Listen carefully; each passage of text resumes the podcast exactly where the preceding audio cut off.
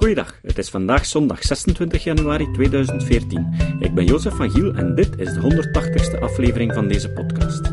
Deze aflevering kwam tot stand mede dankzij Rick de Laat. De muziek is van Nick Lucassen en Emiel Dingemans verzorgt de website en de Facebookpagina.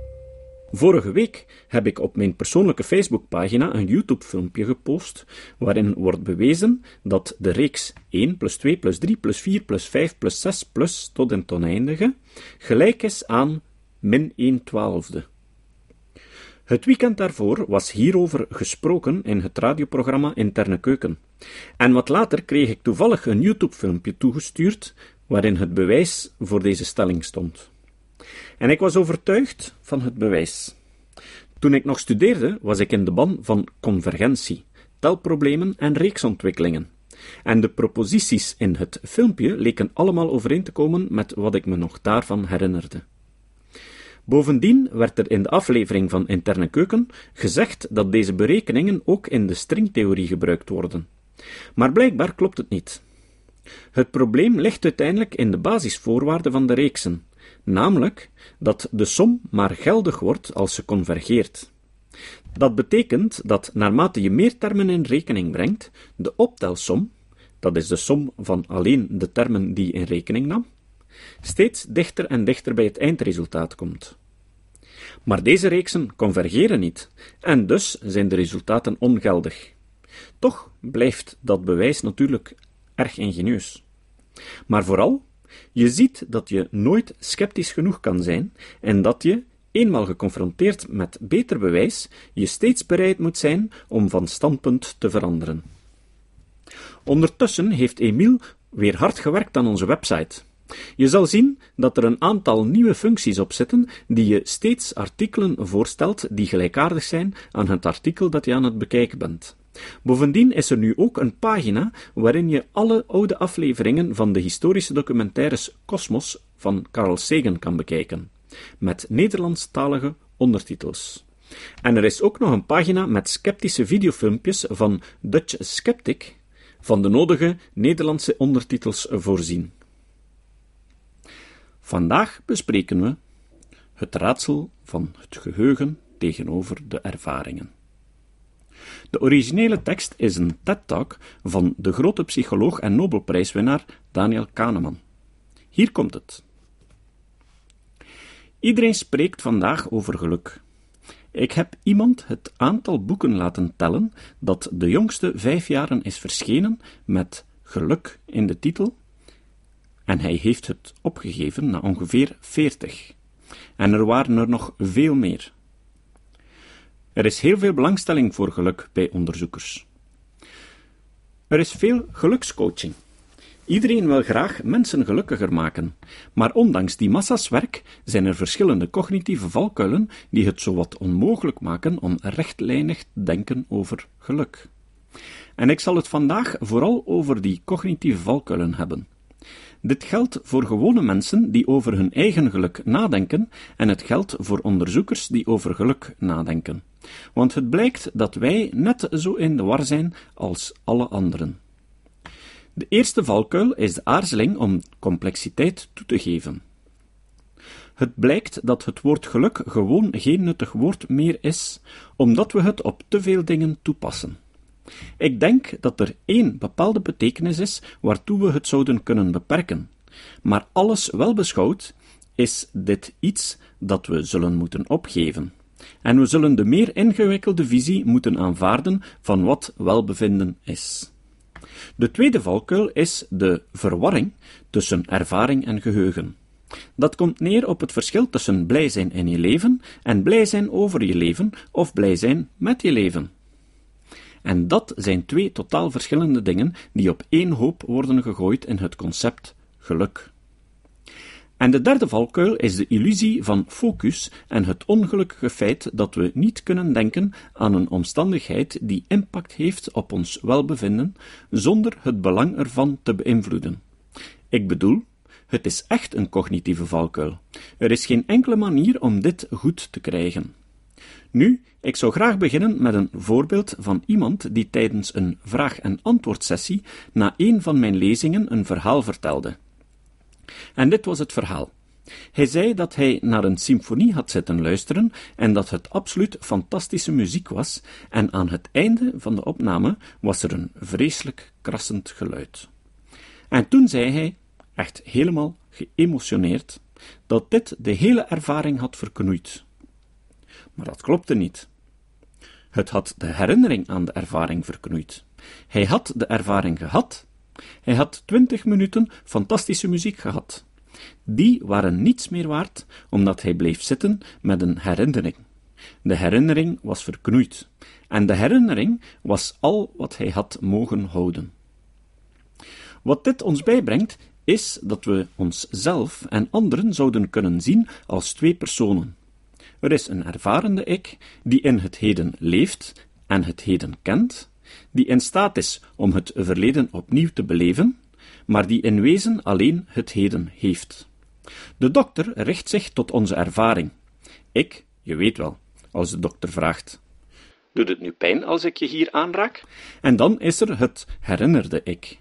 En het herinnerde ik is diegene die de stand bijhoudt en het verhaal van ons leven bewaart. En dat is de persoon tot wie de dokter zich richt als hij vraagt: Hoe heb je je de laatste tijd gevoeld? Of hoe was je reis naar Albanië? Of zoiets. Dat zijn twee heel verschillende dingen. Het ervarende ik en het herinnerende ik en de verwarring tussen beide is deel van het zootje dat gemaakt is van het begrip geluk. Het herinnerde ik is een verteller. En dat begint echt met een fundamentele respons van onze herinneringen. Het begint onmiddellijk. We vertellen niet alleen verhalen wanneer we ons opmaken om verhalen te vertellen. Ons geheugen vertelt ons verhalen. Dat wil zeggen, wat we kunnen bewaren van onze ervaring is een verhaal. En laat me met één voorbeeld beginnen over een oud onderzoek met patiënten die een pijnlijke ingreep ondergaan. Ik bespaar u de details. Dit is vandaag niet pijnlijk meer, maar het was pijnlijk toen ik dit onderzoek in de jaren 90 liep. Ze moesten elke 60 seconden over hun pijn rapporteren, en dit zijn hun verslagen. Patiënt A rapporteerde regelmatig sterke stoten van hoge pijn en na ongeveer 8 minuten was de volledige procedure en dus ook de pijn afgelopen. Patiënt B begint met 12 minuten van hevige stoten van pijn en daarna nog meer dan 10 minuten lichtere pijn. En er wordt gevraagd: Wie van hen heeft het meeste pijn gehad? En dat is een heel gemakkelijke vraag. Het is duidelijk dat patiënt B meer pijn heeft gehad. Zijn colonoscopie heeft langer geduurd, en voor elke minuut pijn die patiënt A heeft gehad, heeft pijn B evenveel pijn gehad. En daarna nog meer.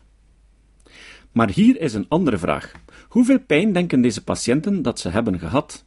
En de verrassing is dat patiënt A een veel slechtere herinnering aan de colonoscopie heeft gehad dan patiënt B. De verhalen van de colonoscopieën verschilden omdat een erg belangrijk deel van het verhaal de afloop is. En geen van deze verhalen is erg inspirerend of knap, maar één ervan is bepaald erger dan de andere. En het ergere verhaal is het verhaal waarin de pijn piekte aan het einde. Het is een kwalijk verhaal. Hoe weten we dat? Omdat we deze mensen na hun colonoscopie vroegen, en veel later ook, hoe erg was de hele toestand, alles bij elkaar? En het was veel erger voor A dan voor B, in hun herinneringen. Wel, dit is een rechtstreeks conflict tussen het ervarende en het herinnerende ik. Vanuit het standpunt van de ervarende ik heeft B het duidelijk zwaarder gehad. Wel, wat je zou kunnen doen met patiënt A, en we hebben daadwerkelijk klinische proeven gedaan, je zou de colonoscopie van patiënt A wat langer kunnen rekken door de buis er gewoon in te laten zitten zonder er te veel mee te bewegen. Dat zorgt ervoor dat de patiënt pijn lijdt, maar niet veel en veel minder dan tevoren. En als je dat een paar minuten volhoudt, heb je het voor het ervarende ik van patiënt A erger gemaakt. En heb je het voor het herinnerende ik van patiënt A veel beter gemaakt, omdat je patiënt A nu een beter verhaal gegeven hebt over zijn ervaring. En dat is gebeurd, en het werkt. Wat bepaalt een verhaal? En dat is waar voor de verhalen die het geheugen ons levert. En het is ook waar voor de verhalen die we verzinnen. Wat een verhaal bepaalt zijn veranderingen, belangrijke momenten en eindes. Eindes zijn heel, heel belangrijk, en in dit geval was het einde het belangrijkste. Wel, het ervarende ik leeft zijn leven continu. Het heeft momenten van ervaring, het ene na het andere. En je vraagt: wat gebeurt er met deze momenten? Het antwoord is echt simpel. Ze zijn voor altijd verloren. Ik bedoel, de meeste momenten van ons leven, ik heb het uitgerekend, weet je, het psychologische heden duurt ongeveer drie minuten, zegt men. In een leven heb je er dus ongeveer 600 miljoen. In een maand zijn er ongeveer 600.000. De meesten laten geen sporen na. Aan de meeste wordt totaal geen aandacht besteed door het herinnerende ik. En toch krijg je op een of andere manier de indruk dat ze zouden moeten van tel zijn, dat wat gedurende deze ervaringsmomenten gebeurt, ons leven is. Het is de eindige grondstof die we opgebruiken terwijl we op aarde zijn. En hoe je die opgebruikt lijkt relevant te zijn. Maar zo gaat het verhaal niet dat het herinnerende ik voor ons bewaart. We hebben dus het herinnerende ik en het ervarende ik, en die zijn echt helemaal verschillend. Het grootste verschil tussen beide ligt in de omgeving met tijd. Vanuit het standpunt van de ervarende ik heb je een vakantie. En is de tweede week even goed als de eerste, dan is de vakantie van twee weken twee keer zo goed als de vakantie van één week. Maar zo werkt het niet voor de herinnerende ik. Voor de herinnerende ik is een vakantie van twee weken nauwelijks beter dan een vakantie van één week, omdat er geen nieuwe herinneringen worden toegevoegd. Je hebt het verhaal niet veranderd. En op die manier is tijd eigenlijk de kritische variabele die een herinnerende ik onderscheidt van een ervarende ik. Tijd heeft heel weinig impact op dit verhaal. Het herinnerende ik doet meer dan zich herinneren en verhalen vertellen. Het is de persoon die beslissingen neemt, want als je een patiënt hebt die, zeg maar, twee colonoscopieën heeft gehad bij twee verschillende chirurgen en moet beslissen welke hij verkiest, dan kiest hij voor diegene met de minst slechte herinnering. Het ervarende ik heeft geen stem in deze keuze. We kiezen niet tussen ervaringen, we kiezen tussen herinneringen aan ervaringen. En zelfs als we aan de toekomst denken, dan denken we normaal niet aan onze toekomst als ervaringen. We denken aan onze toekomst als geanticipeerde herinneringen. En je kan dit eigenlijk als volgt bekijken: als een dictatuur van het herinnerende ik. En je kan het herinnerende ik zien als degene die het ervarende ik zowat sleept door ervaringen die het ervarende ik niet nodig heeft. Ik heb het gevoel dat als we met vakantie gaan, het vaak het geval is dat het op vakantie gaan voor het grootste deel dient om onze herinnerende ik te dienen. En dat is nogal moeilijk te verantwoorden, denk ik. Ik bedoel, hoe vaak gebruiken we onze herinneringen? Dat is een van de verklaringen die wordt gegeven voor de dominantie van het herinnerende ik. En als ik daarover nadenk, denk ik over een vakantie die we een paar jaar geleden in Antarctica hadden die duidelijk onze beste vakantie ooit was, en ik denk er nogal vaak aan in vergelijking met andere vakanties. En ik heb waarschijnlijk mijn herinneringen aan die vakantie van drie weken gedurende ongeveer 25 minuten gebruikt in de laatste vier jaren. Nu, als ik de map ooit had geopend met de 600 foto's erin, dan zou ik nog een uur besteed hebben. Dat zijn dus drie weken tegenover bijna anderhalf uur. Er lijkt een discrepantie te zijn. Nu, misschien ben ik een beetje extreem in de beperkte honger die ik heb om herinneringen te gebruiken, maar zelfs als je dat vaker doet, is de hamvraag: waarom hechten we zoveel belang aan herinneringen in vergelijking met het belang dat we aan ervaringen hechten? Denk eens na over het volgende gedachtenexperiment. Stel dat je op je volgende vakantie weet dat op het einde van je vakantie al je foto's vernietigd zullen worden en je een pil krijgt die je geheugen wist, zodat je je niets meer zal herinneren. Zou je dezelfde vakantie kiezen? En als je een andere vakantie zou kiezen, is er een conflict tussen je twee ikken? En je moet nadenken over hoe je dat conflict oplost. Dat is niet zo vanzelfsprekend, want als je denkt in termen van tijd, krijg je één antwoord. En als je denkt in termen van herinneringen, krijg je misschien een ander antwoord. Waarom we de vakanties kiezen die we kiezen, is een kwestie die ons confronteert met een keuze tussen de twee ikken. Nu, de twee ikken leiden naar twee noties van geluk. Er zijn echt twee vormen van geluk die we kunnen toepassen. Eén per ik. Je kan dus vragen: hoe gelukkig is de ervarende ik? En dan zou je moeten vragen: hoe gelukkig zijn de momenten in het leven van de, het ervarende ik? En het geluk van momenten is een nogal ingewikkeld proces. Wat zijn de emoties die kunnen worden gemeten? Trouwens, vandaag zijn we in staat om een vrij goed idee te krijgen van het geluk van het ervarende ik door de tijd heen. Als je vraagt naar het geluk van de herinnerende ik, is dat een totaal andere zaak. Dit gaat niet over hoe gelukkig iemand leeft. Het gaat over hoe tevreden of voldaan de persoon is als die over haar leven nadenkt. Een totaal verschillend concept. Iedereen die deze concepten op één hoop gooit, zal een zootje maken van de studie van het geluk. En ik behoor tot een groep studenten van het welbevinden die lange tijd een zootje hebben gemaakt van de studie van het geluk op exact deze manier.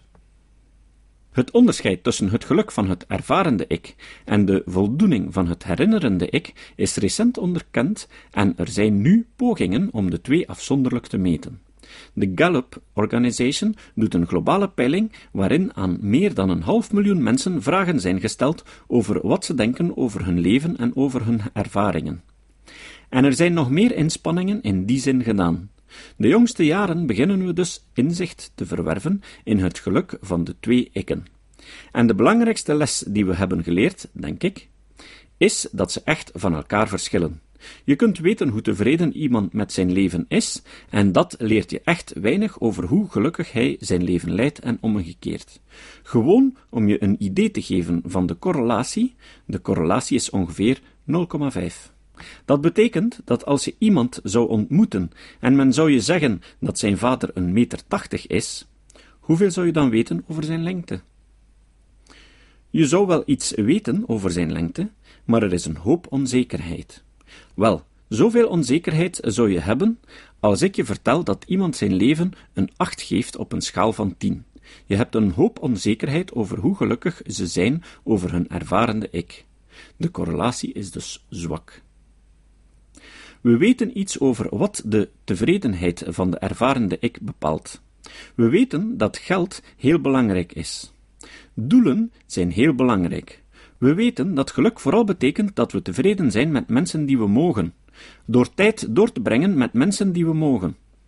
Er zijn andere genoegens, maar dit weegt door. Als je dus het geluk van de twee ikken wil maximaliseren, zal het erop uitdraaien dat je heel verschillende dingen doet. De conclusie van wat ik hier gezegd heb is dat we geluk echt niet zouden mogen beschouwen als een substituut voor welzijn. Het is een compleet verschillend concept. En dan nu heel snel. Een andere reden waarom we niet rechtlijnig over geluk kunnen denken, is dat we niet op dezelfde dingen letten als we over het leven nadenken en als we effectief leven. Als je dus de simpele vraag stelt hoe gelukkig mensen in Californië zijn, zal je niet het juiste antwoord krijgen. Als je die vraag stelt, denk je dat mensen gelukkiger moeten zijn in Californië dan als je pakweg in Ohio woont. En wat gebeurt, is dat als je aan je leven in Californië denkt, dan denk je aan het contrast tussen Californië en andere plekken, en dat contrast zit dan bijvoorbeeld in het klimaat. Het blijkt dat het klimaat niet zo belangrijk is voor het ervarende ik en zelfs niet voor het denkende ik.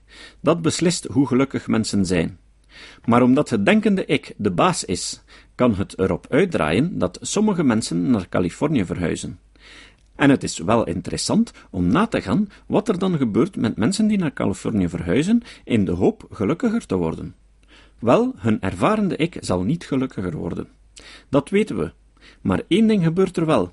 Ze denken dat ze gelukkiger zijn, want als ze erover nadenken, zullen ze eraan herinnerd worden hoe vreselijk het weer was in Ohio. En ze zullen denken dat ze de juiste beslissing hebben gemaakt. Het is erg moeilijk om rechtlijnig te denken over welzijn, en ik hoop dat ik jullie een idee gegeven heb van hoe moeilijk het is. Nog een interessant resultaat dat uit de Gallup-peiling komt. Het is een getal dat we absoluut niet hadden verwacht. Het heeft te maken met het geluk van het ervarende ik. Als we kijken naar hoe gevoelens verschillen naar gelang het inkomen, dan blijkt dat onder de inkomensgrens van 60.000 dollar per jaar voor Amerikanen, en dan gaat het over een hele grote groep Amerikanen, zowat 600.000, een groot representatief stal met een inkomen onder de 60.000 dollar per jaar zijn mensen ongelukkig. En ze worden ongelukkiger naarmate ze armer worden. Daarboven zien we een volkomen vlakke lijn. Ik heb zelden zo'n vlakke lijn gezien. Het is duidelijk. Wat er gebeurt is dat geld je geen ervaringsgeluk brengt, maar dat een gebrek aan geld je wel ellende bezorgt. En we kunnen die ellende meten met grote, hele grote precisie. Voor de andere ik, de herinnerende ik, krijg je een heel ander verhaal. Hoe meer geld je verdient, hoe meer voldoening je kent. Dat geldt niet voor emoties. En laten we Daniel Kahneman en Amos Tversky maar heel dankbaar zijn voor het uitvinden van behavioral economics. Kahneman schreef trouwens onlangs een boek dat een mooi overzicht geeft van zijn levenswerk. Dit boek moet je absoluut lezen. Het is in het Nederlands vertaald als Ons feilbare denken. Het citaat. Het citaat van vandaag is van Nelson Mandela. Mandela zei: Een goede leider kan eerlijk en doortastend deelnemen aan een debat, wetende dat aan het einde hij en de andere kant dichter bij elkaar gekomen moeten zijn en er dus sterker moeten uitkomen. Dat idee heb je niet als je arrogant, oppervlakkig en ongeïnformeerd bent. Tot de volgende keer. Dit was de podcast Kritisch Denken. Vergeet niet om alles kritisch te behandelen, ook deze podcast. Voor verdere informatie over deze podcast, links en voor de tekst, surf naar www.kritischdenken.info. Als je deze podcast belangrijk vindt, kun je me steunen door anderen warm te maken ook eens te luisteren. Stuur een e-mail naar vrienden met een link naar de website en plaats de link in de handtekening van je e-mails. Tevens kun je op iTunes deze podcast een beoordeling geven of een recensie schrijven. Of je kan op je eigen website of blog een link naar kritisch denken plaatsen.